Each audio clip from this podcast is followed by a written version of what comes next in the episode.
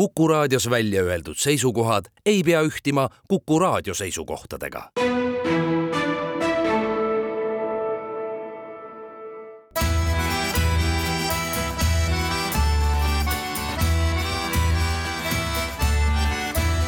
Kirillitsas Eesti. Tere päevast, head raadiokuulajad, eetris on Kirillitsas Eesti, selle hooajaga muuseas viimane, esmakordselt neljateist aasta jooksul, aga okei okay,, see selleks. mul on hea meel stuudios tervitada täna meediaeksperdid Julia Rodinat. tere! kommunikatsioonispetsialisti venekeelses valdkonnas Olga Karejtšikit. tere! ja me räägime täna mitmel teemal, mis puudutab venekeelset ajakirjandust ja ma meelega mõtlesin, et me teemegi sellise eksperdiringi et äh, mitte asjas osalejatega või siis asja, aga asjast, asja vaatlejaid kutsuda ja arutada natukene mõningatest huvitavatest seikadest, mis on olnud äh, viimase poole aasta jooksul ka Vene ajakirjanduse jaoks suhteliselt aktuaalsed ja huvitavad, puht nagu jälgimise ja analüüsi mõttes, aga alustame saadet, ma tahaks saadet alustada eilsest päevast, siis kui ilmus üks äärmiselt emotsionaalselt jahmatav uudis, õigemini pealkiri oli äärmiselt jahmatav. Olin ühes ajakirjanike seltskonnas, arutasime sisuliselt neid samu asju, mis me täna hakkame rääkima, et saada nagu ainest iseenda jaoks ja siis järsku näeme, et pealkiri on siis järgmine, et justiitsminister ei näinud seaduslikke rikkumisi ettepanekus võtta maha Aleksandr Nevski katedraali see on praegu nagu tõlge vene keelest, eks ole, vene keeles seal oli, et не увидел нарушений закона в предложении снести. Предложение снести, räägime eesti keeles, see on ettepanek maha võtta. Aleksandr Nevski katedral ma, ma olin väga šokeeritud, ma ütlen ausalt. eelkõige loomulikult ma näen pealkirja nagu tavainimene, eks ole, emotsioonid hakkavad möllama, ma ei valeta, üks naisterahvas lihtsalt hakkas nutma. sõnadega, et kaua, kaua võib see asi kesta. lugesin kaks korda või kolm korda seda läbi ja jah, ja uudis, uudise sisu rääkis sellest, et justiitsminister Kalle Laanet vastas parlamendiliikme Aleksandr Tšeplõgini järelpärimisele. ja nüüd, mis on kõige olulisem. olulisem on see, et praegu kell kolmteist null üheksa see pealkiri on muudetud, sellepärast et see pealkiri, mis ma teile ütlesin, aga mis läks oma elu elama tegelikult, ta oli eksitav. sellepärast, et Aleksandr Tšeplõgini järelpärimine oli sõnastatud niimoodi, et kas mis justiitsminister ei näinud vihakõne elemente selles äh, postituses, mida tegi tõesti üks Reformierakonna liige, parlamendiliige äh, härra Mario Kadastik, et aga võiks ju, kus oli poleemika, kus kohas võiks olla mingi lilleaed või mingisugune park Toompea lossi ees ja lihtsalt aga noh, teeme katedraali asemele noh, ütleme nii, et see oli niisugune uitmõte, mis kindlasti ei olnud ettepanek maha võtta katedraal. minu küsimus teile, kas, äh, kas siin on tegu eksitusega, mis tõesti on inimlik, kas tegu on valvsuse ja teatud mõttes ka vastutuse kadumisega? Üldisel sellel närvilisel info taustal. kindlasti ma ei ütle, et see on mõte, mis oli tõsiseltvõetav mõte, et katedraal maha võtta, et millega siin nagu tegu on teie arvates, kui eksperdite arvates, Julia? ma arvan, et muidugi me praegu, kui, kui me küsiks äh, selle uudise ja selle pealkirja autorilt, see oleks üks asi. me praegu seda kahjuks teha ei saa ja see, mida mina näen, et noh, ma ütleks võib-olla noh, nii-öelda pool irooniliselt, aga pool tõsiselt ka, et noh, ajakirjanikud on ju ka inimesed, vähemalt mõned neist, et äh, ajakirjanikud teevad vigu, aga kui tulla sinu küsimuse juurde, kus sa rääkisid vastutusest, siis vastutus ongi äh, neid vigu tunnistada ja parandada. See on juba teine asi. aga noh, ma, ma ei näe no iseenesest jah, ajakirjandus äh, nii eestikeelne kui ka venekeelne teevad vigu, teevad mõnikord ka selliseid clickbait äh, pealkirju, mis, mis äh, noh, puhtalt lugejana sa loed ja, ja lihtsalt ei saagi aru, kuhu sa sattusid, kas see on, kas see on mingi kollane portaal või see on, see on kvaliteetne meedia, kas sa saad seda uskuda, aga jah, noh eks inimesed eksivad, aga vaatame, kuidas nad seda parandavad. Äh, mulle tundub ka, et see oli inimlik viga ja väga hästi, et äh, see pealkiri sai muudetud. Äh, aga siin minu meelest kerkib teine probleem, et Vene toimetustest tihtipeale on inimressursi puudus. Et see ei ole saladus, et eestikeelsetes välja annetes palju rohkem ajakirjanikku kui, äh, kui Vene toimetustes. No siinkohal ja ma... siis inimesed teevad äh, oma uudiseid, oma äh, materjalid kiirustades ja mõnikord ei äh, tšekka faktid piisavalt hästi muidugi see ei vaband-, muidugi see äh, mitte kuidagi ei vabanda, et inimesed teevad vigu, et kindlasti iga ajakirjanik peab kontrollima faktid kolm korda ja isegi rohkem, aga äh, kui ma pean töötajana teha mingisuguse normi ja anda välja mingisuguse uudise täpselt sel kellaajal, sellepärast et minu kolleeg ei tule veel töökohale, äh, siis võivad tekkida erinevad veod.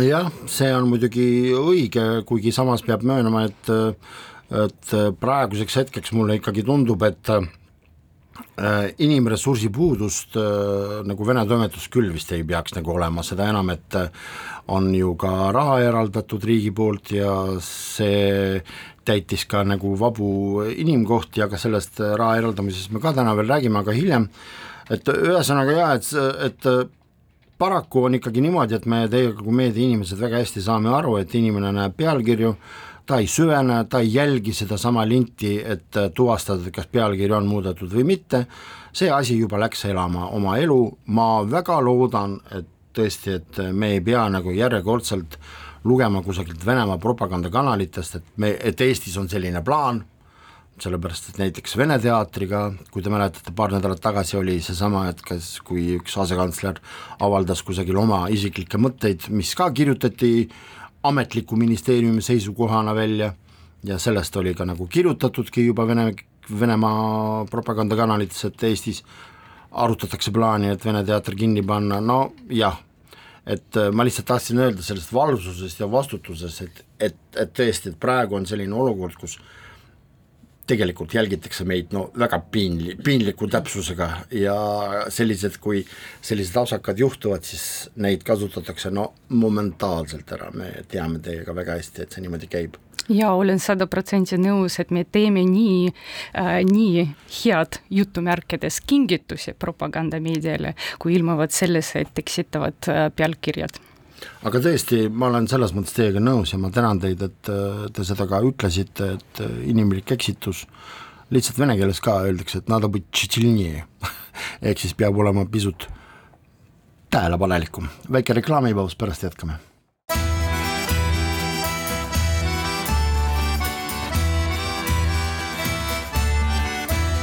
Kirillitsas Eesti. Jätkame saadet ja nüüd siis proovime moodustada sellise eksperdiringi, käest kinni me ei hakka võtma, aga ma viskasin teile aruteluks kolm sellist teesi, mis puudutavad äh, sellist vaadet venekeelsele ajakirjandusele esimeses poolaastas läbi kolme sellise minu jaoks võib-olla äh, olulise noh, kas siis sündmuse või siis sündmuste jada, jada esimene, mille suhtes tahaks nagu teie arvamust teada saada, on äh, valimiseelne periood millal minu jaoks tekkis üks väikene selline dilemma, et kus kohas hakkab ajakirjanduslik demokraatia ja kus kohas tegelikult see lõpeb. et mitte minna edasi populismile ja konkreetselt ma olen ka siin eetris öelnud, et mul olid sellised mitte just otsesed konfliktid, vaid väga teravad niisugused vaidlused ja diskussioonid teemal, näiteks kas ühele või teisele poliitilisele liikumisele on vaja sõna anda või mitte. Eriti kui me räägime nagu venekeelset äh, auditooriumit, kes on tegelikult siiamaani seoses geopoliitiliste sündmustega, geopoliitilis-, see, see, see termin on muuseas minu poolt meelega praegu öeldud, niimoodi nimetatakse muuseas Venemaa propaganda poolt sõda Ukrainas, geopoliitiline sündmus.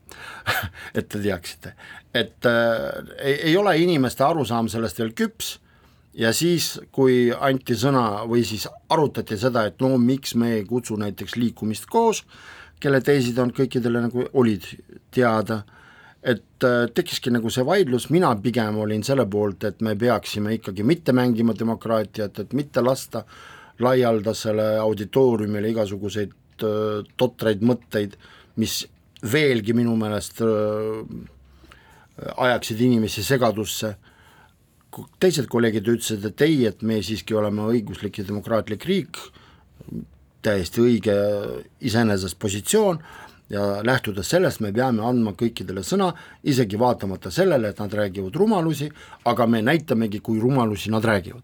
et kumb on teie meelest nagu see, selle konkreetse valimisperioodi puhul, kumb oli domineerivam, kas demokraatia põhimõtete tagamine või siis järjekordselt kasutan sõna vastutus oma auditooriumi ees. keeruline küsimus äh, muidugi äh,. ma ikkagi alustaks sellest, et äh, noh, igasugused liikumised äh,, igasugused inimesed, kes noh, kui isegi nad näiteks jah räägivad mitte poliitikast, mingist teistest teistest nähtudest. Äh, nad saavad sõna, nad saavad sõna praegu sotsiaalmeedias.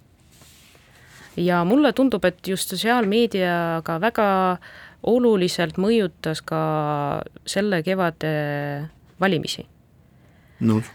see, see kõlab võib-olla mitte hea uudisena meediale ja ajakirjandusele.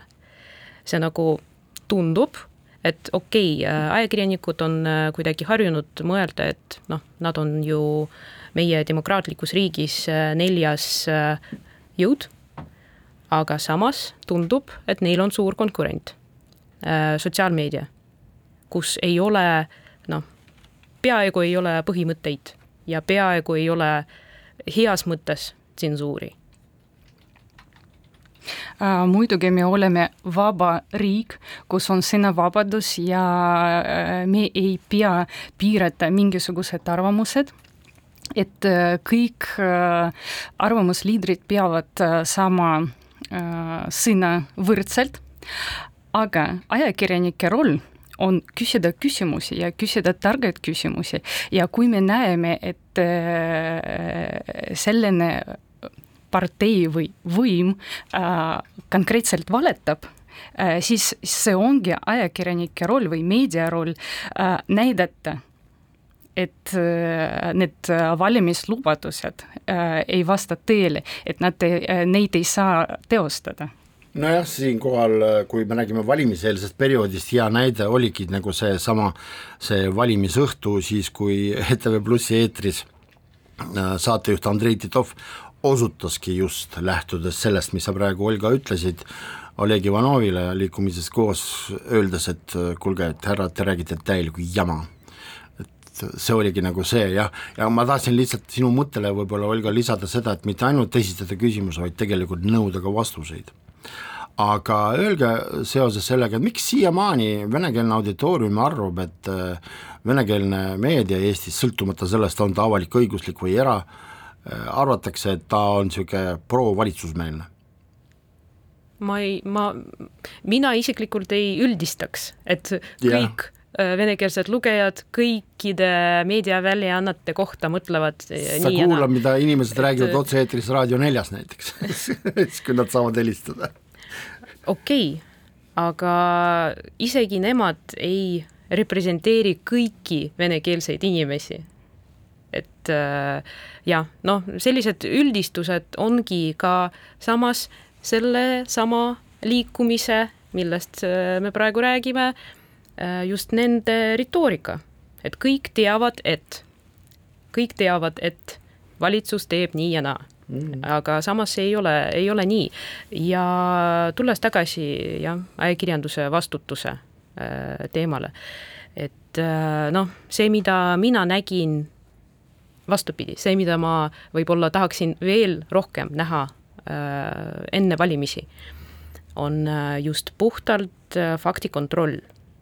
väga selline võib-olla mõnikord igav, aga tulemusi annab faktikontroll just võtta kas või erakond, erakonnade, liikumiste, vaba kandidaatide, sõltumatute kandidaatide loosungeid ja postitusi ja faktikontrolli teha ja ma ei ole nõus äh, sinu väidega ka.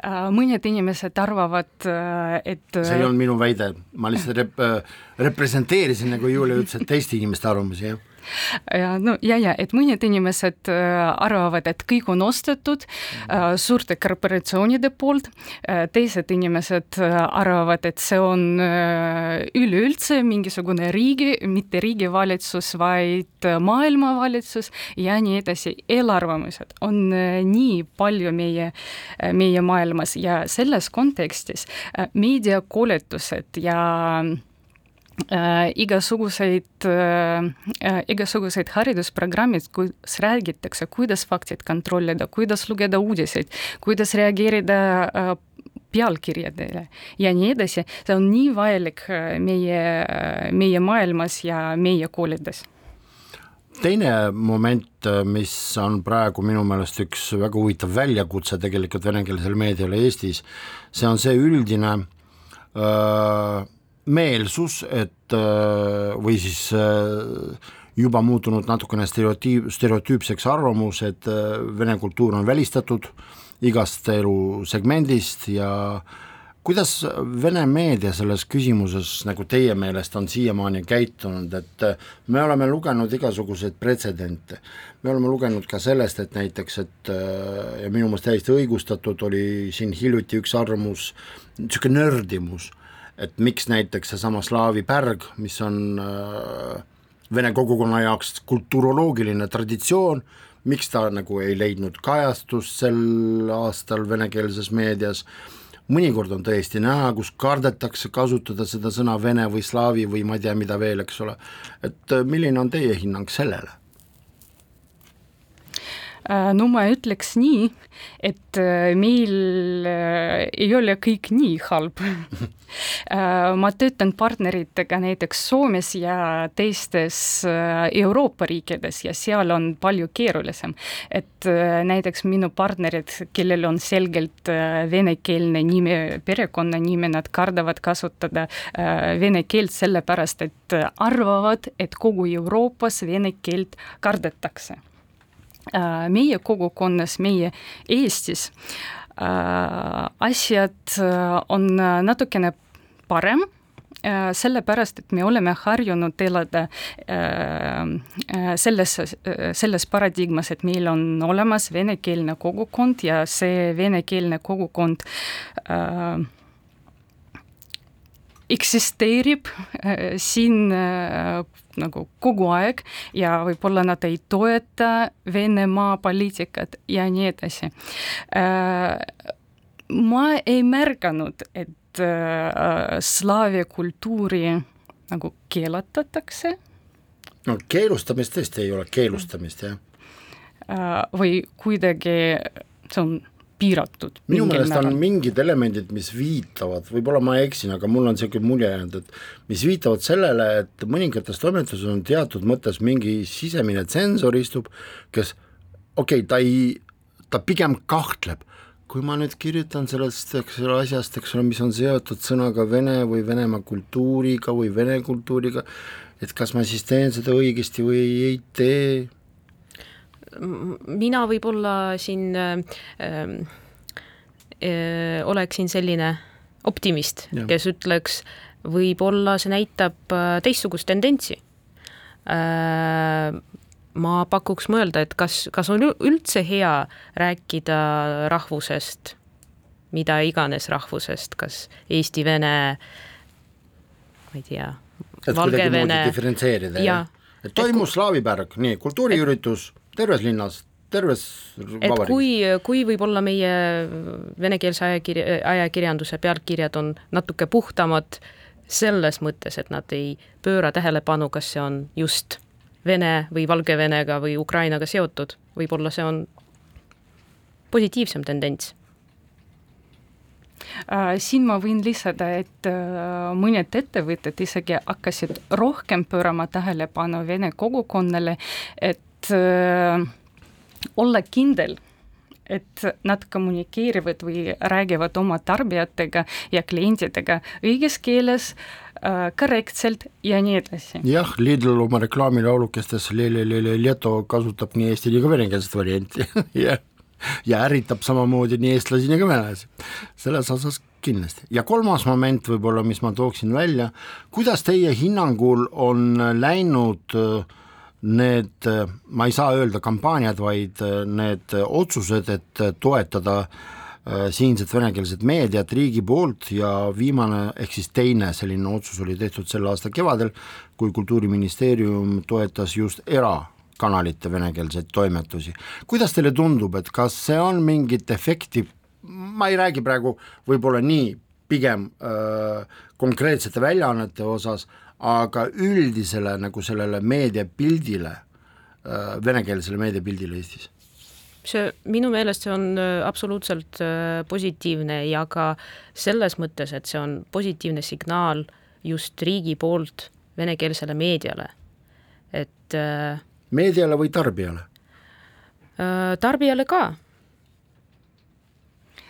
Siin ma olen sada protsenti nõus Juliaga ja veel tahaks lisada see, et natukene kurb, et riik hakkab toetama erinevat venekeelset meediaväljaannet või vene kultuuri või erinevad initsiatiivid just kui tuleb kriis ja, ja, ja, ja, ja, ja nagu sõnastada seda, et, et laiendada, suurendada, parendada, ma ei tea, mida veel jah, et selle et, teemaga võiks töötada igapäevaselt. et toetada? Äh, toetada, arendada ja nii edasi sellest toetamisest, arendamisest ja õpetamisest ja koolitamisest räägime saate teisel poolel, praegu aga väike reklaamipaus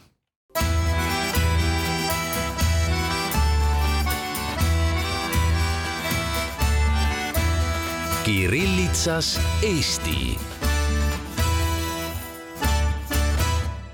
Meie saade jätkub, stuudios on meediaeksperdid Olga Karnetšik, Julia Rodina ja saatejuht Pavel Ivanov.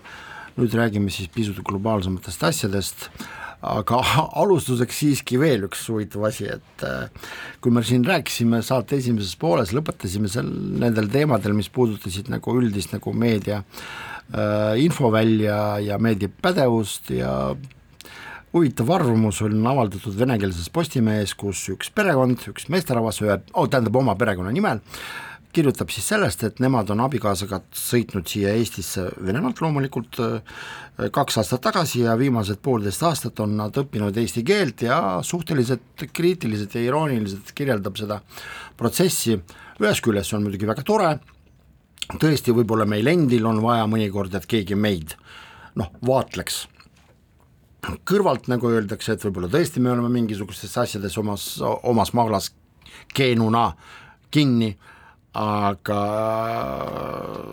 jah, vot ta nagu sellele ka vastab ka, et see ei ole mingisugune virisemine, vaid see on äh, selle artikli mõte on teises, et juhtida tähelepanu sellele, kui raskelt on Eestis võimalik eesti keelt õppida ja ühe eesti keele õppimise meetodina ta pakub välja likvideerida venekeelne meedia ja jätta ainult üks Eesti Vabariigi eestikeelne meedia, läbi mille siis mitte keelt, mitte riigikeelt oskavad inimesed võib-olla saavad paremini või parendada oma eesti keele oskust. ehk siis sõbrad, paneme oma laevatška kinni ja laseme integreeruda no mina siin äh, võib-olla soovitaks neile, kes tahavad äh, tõesti eesti keelt paremini selgeks saada, õppida, siis võib likvideerida igasugu meedia oma telefonist ja oma arvutist ja lugeda ja kuulata meie saadet ja.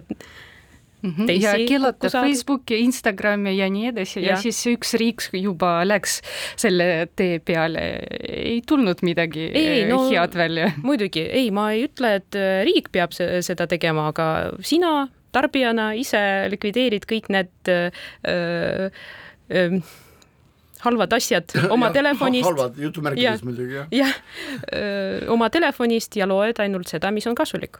No ja, ja ma lihtsalt kujutan ette või õigemini ei kujuta ette, kuidas äh, äh, venekeelsest äh, maailmast, venekeelsest inforuumist siia eestikeelsesse inforuumi tulev inimene saab hakkama ilma näiteks maailma uudise, uudisteta äh, endale selges keeles, okei okay, jah, me praegu kõik oskame vähemalt inglise keelt, prantsuse keelt, hispaania keelt, me võime seda saada, muuseas, seoses sellega mul tuli meelde, Olga, et sa nagu enne saadet nagu väga emotsionaalselt rääkisid oma pere kogemusest, kus kohast ja kuidas oli võimalik jälgida Prigožini mässu äh, kajastamist meedias.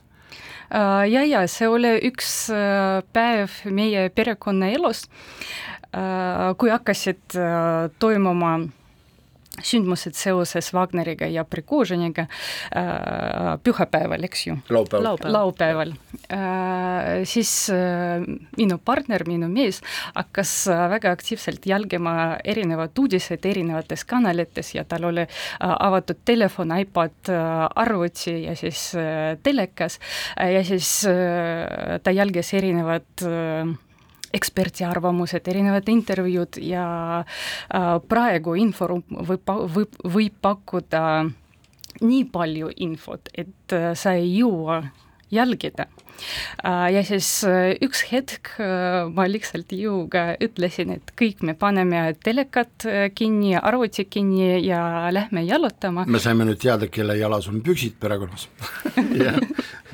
Äh, ja siis õhtul vaatame kuidas nad lahendavad seda olukorda, mis juhtub.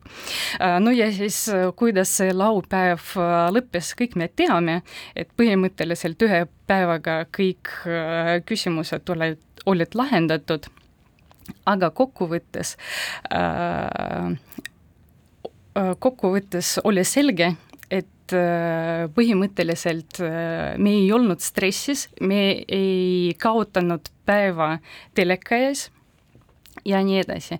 ja selline infohügieen äh, võiks olla iga inimesel, et äh, valida kindlad kanalid, mida sa jälgid ja siis äh, võib-olla kontrollida või üle vaadata uudiseid näiteks hommikul, lõunal ja õhtul, aga mitte scrollida oma telefoni kogu aeg, et see ei vii kuhugi. Meie hea kolleeg Olesja Lagašina äh, kirjutas või siis õigemini rääkis intervjuus äh, raadiojaamale Svoboda äh, just nagu sellest äh, hetkest, tähendab sellest momendist, sellest äh, asjaolust, et mida, kuidas äh, siinsed Eestis elavad venekeelsed inimesed jälgivad.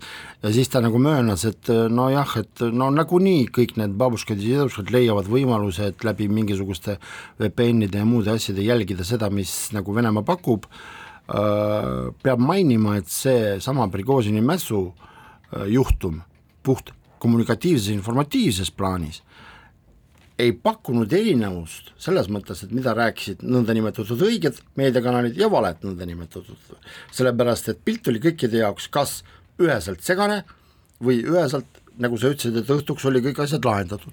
et see oli minu meelest selle äh, puht informatiivses plaanis oli unikaalne juhtum, kus nagu mingit erinevust ei olnud. Et ei olnud nagu puhast propagandat, propaganda oli noh, teatud teesides, mida rääkis näiteks Putin või siis keegi teine, aga üldises informatiivses kontekstis eh, mingit eh, sellist faktoloogilist erinevust ei olnud. no lihtsalt äh, isegi propagandistidel on mõnikord laupäeviti puhkepäev.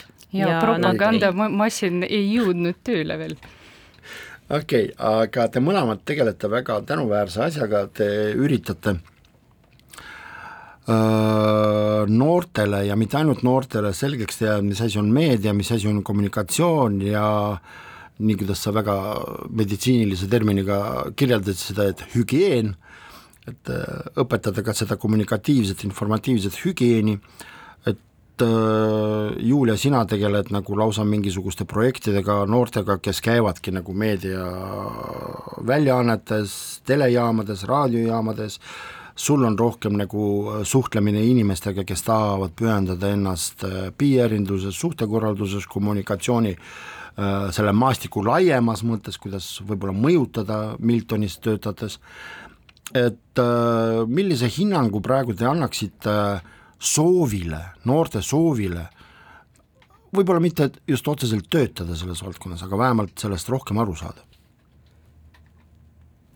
Mina ütleks omalt poolt ja oma kogemuse räägib põhjal, Julia Rodina. ja, ja, ja kuna ma noh äh,, peaaegu terve elu äh, töötasin ajakirjanduses, aga viimased no umbes seitse aastat tegelen just meediapädevuse projektidega, mis on min-, suunatud küll jah, noortele, aga ka viimasel ajal ka õpetajatele. see on juba teine, teine teema ma näen, et noored on endiselt, vaatamata TikTokile ja sotsiaalmeediale ja tei-, teistele trendidele, et nad on endiselt meediast huvitatud, aga nad näevad seal kasu enda jaoks mitte ainult selles, et noh, ma tahan ajakirjanikuks saada, kuigi on ka neid olemas ja päris palju, aga ka selles, et nad näevad, et praegu me elame noh, meedia ja informatsioonimaailmas ja, ja sajandis, kus sa pead aru saama just, kuidas seda infohügieeni enda jaoks luua, kuidas äh,, kuidas noh, puhtalt, kust uudiseid saada, kuidas aru saada, et äh, jah, mis allikas on hea, mis allikas on halb. kui sa nende gruppidega tutvud, noh, ütleme niimoodi, esimest korda saad nendega kokku, kas sa esitad neile küsimused, aga kuskohast teie hangite uudiseid konkreetselt? jaa, kindlasti. nii, ja kindlasti. mis on nagu selline ül-, üldine kokkuvõte? üldine kokkuvõte ei ole suur äh, üllatus, et nad äh, vaatavad nii sotsiaalmeediat kui ka meie suuremaid äh, meediakanaleid sa mõtled meie Eesti?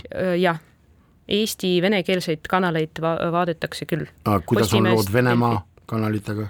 Nad ei vaata telekat ja see on mm. nende jaoks puhas, puhas nali, ma ütleksin nii.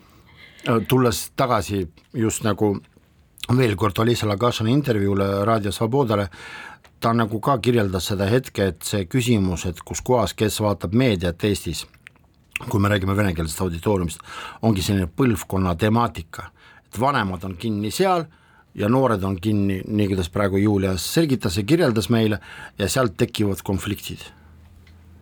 Äh, no kui jätkata äh, teemat, mis puudutab äh, noortest inimestest, siis meie agentuurile tulevad praktikale meie agentuuris äh, tulevad praktikale nii targad, nii andekad inimesed, äh, nii, nii toredad noored inimesed, et äh, lihtsalt mul natukene hirmus, et nad on nii tugevad konkurendid tulevikus.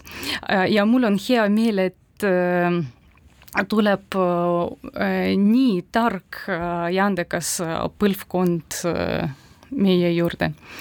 ühest küljest, teisest küljest eh, igaüks või iga teine noormees tahab eh, asutada oma startup'i, et eh, ma mäletan, millest ma unistasin kui ma olen noor inimene, kakskümmend aastat vana ja siis ma üldse ei mõelnud, et ma asutan oma äri ja praegu igaüks on nii julge äh, ja nad ütlevad, jaa, kui ma ei asuta startup'i, siis äh, ma tahan olla ala teine inimene startup'is. ja see inspireerib väga, see näitab, et äh, meie elus kõik on hästi tegelikult, kui tuleb selline põlvkond.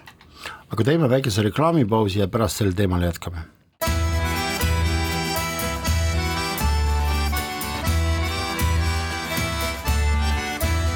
Kirillitsas Eesti.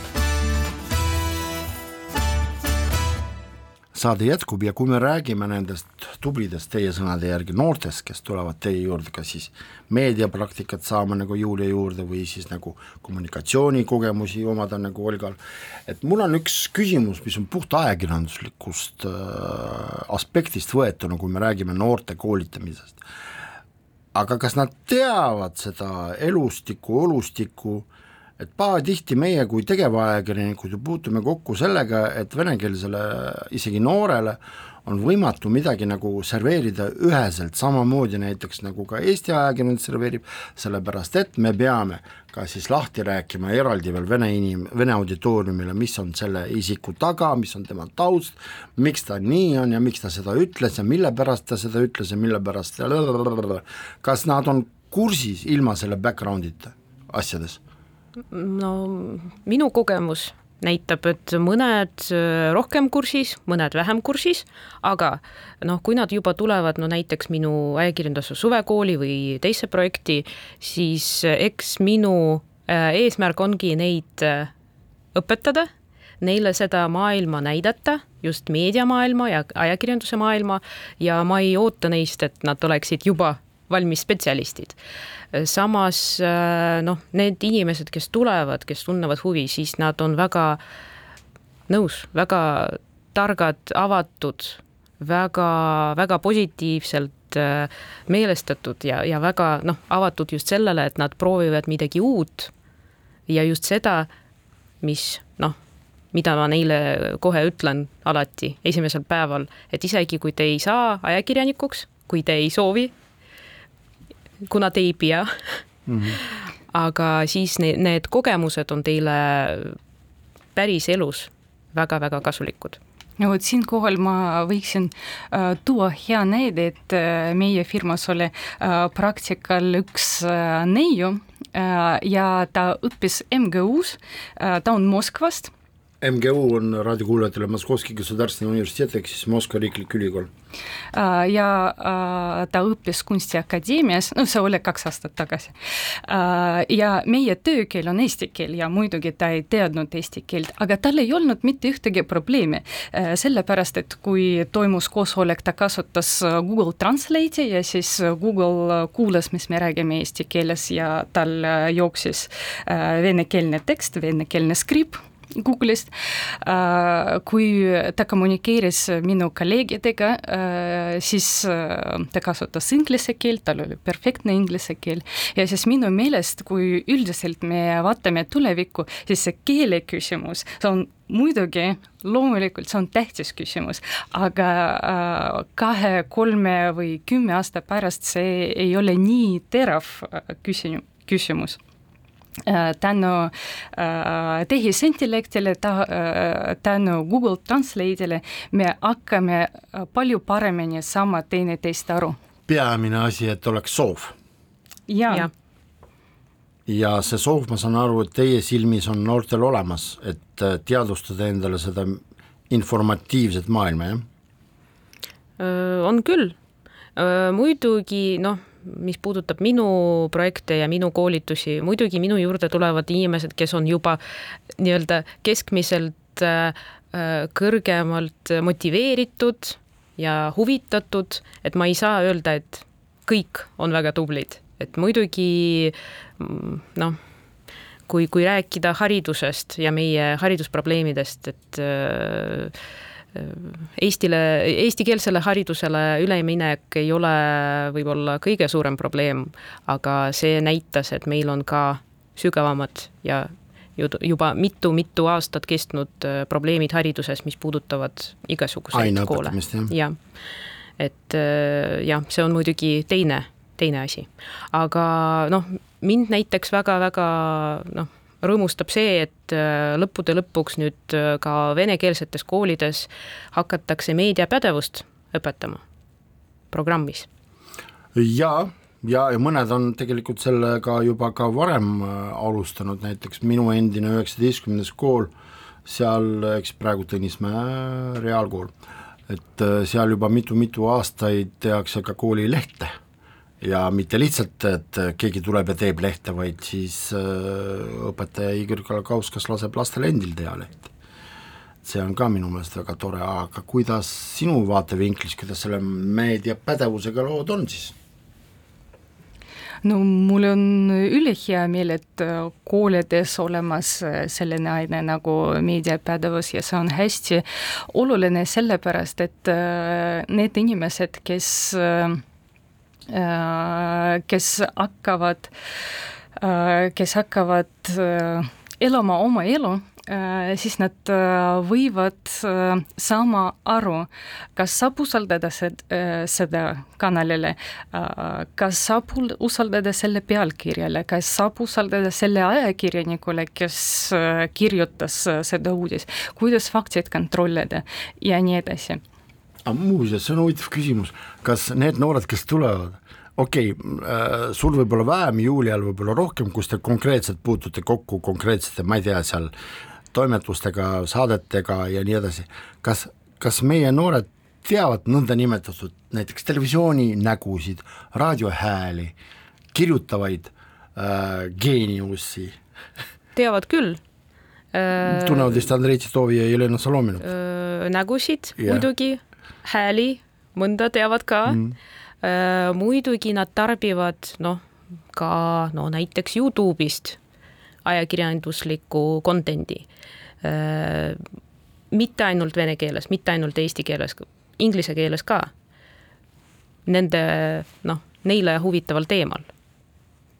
Äh, muidugi Instagrami näod ja TikToki näod on äh, mõnikord on suuremad ja us-, usaldavamad inimesed kui võib-olla mingisugune klassikaline meediakanal aga kui võib-olla viimane küsimus tänase saate jooksul, et aga millise hinnangu nad annavad Eesti venekeelsele ajakirjandusele mm.?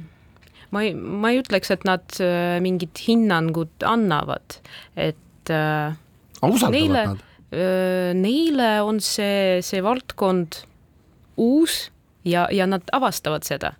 aga ma arvan, et nad, kui nad natuke juba Äh, koguvad kogemust juurde ja loevad ja võrdlevad, siis nad juba hindavad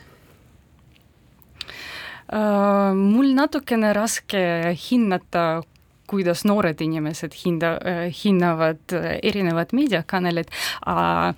ma alati annan neile soovitusi uh, väga ma praegu natukene mõtlen, kuidas seda eesti keelde tõlkida, aga see kõlaks äh, natuke niimoodi, et ära mölla ainult oma mullis. Äh, mis tähendab? see tähendab, et äh, tarbi erinevad kanalid, tarbi erinevad arvamused, võib-olla need arvamused, sa ei ole nõus selle arvamusega, aga vähemalt sa tead, et eksisteerib teine arvamus ja mis, millised argumendid teine pool kasutab. Äh, see on hästi oluline, et saama, mis maailmas toimub suur tänu teile, et te leidsite aega tulla saatesse, tuletan meelde, et stuudios olid täna Julia Rodina. aitäh! Olga Karnetšik. aitäh! Saatejuht oli Pavel Ivanov ja me kohtume nüüd augusti teises pooles, olge tublid nautige suve ja kohtumiseni, kõike head.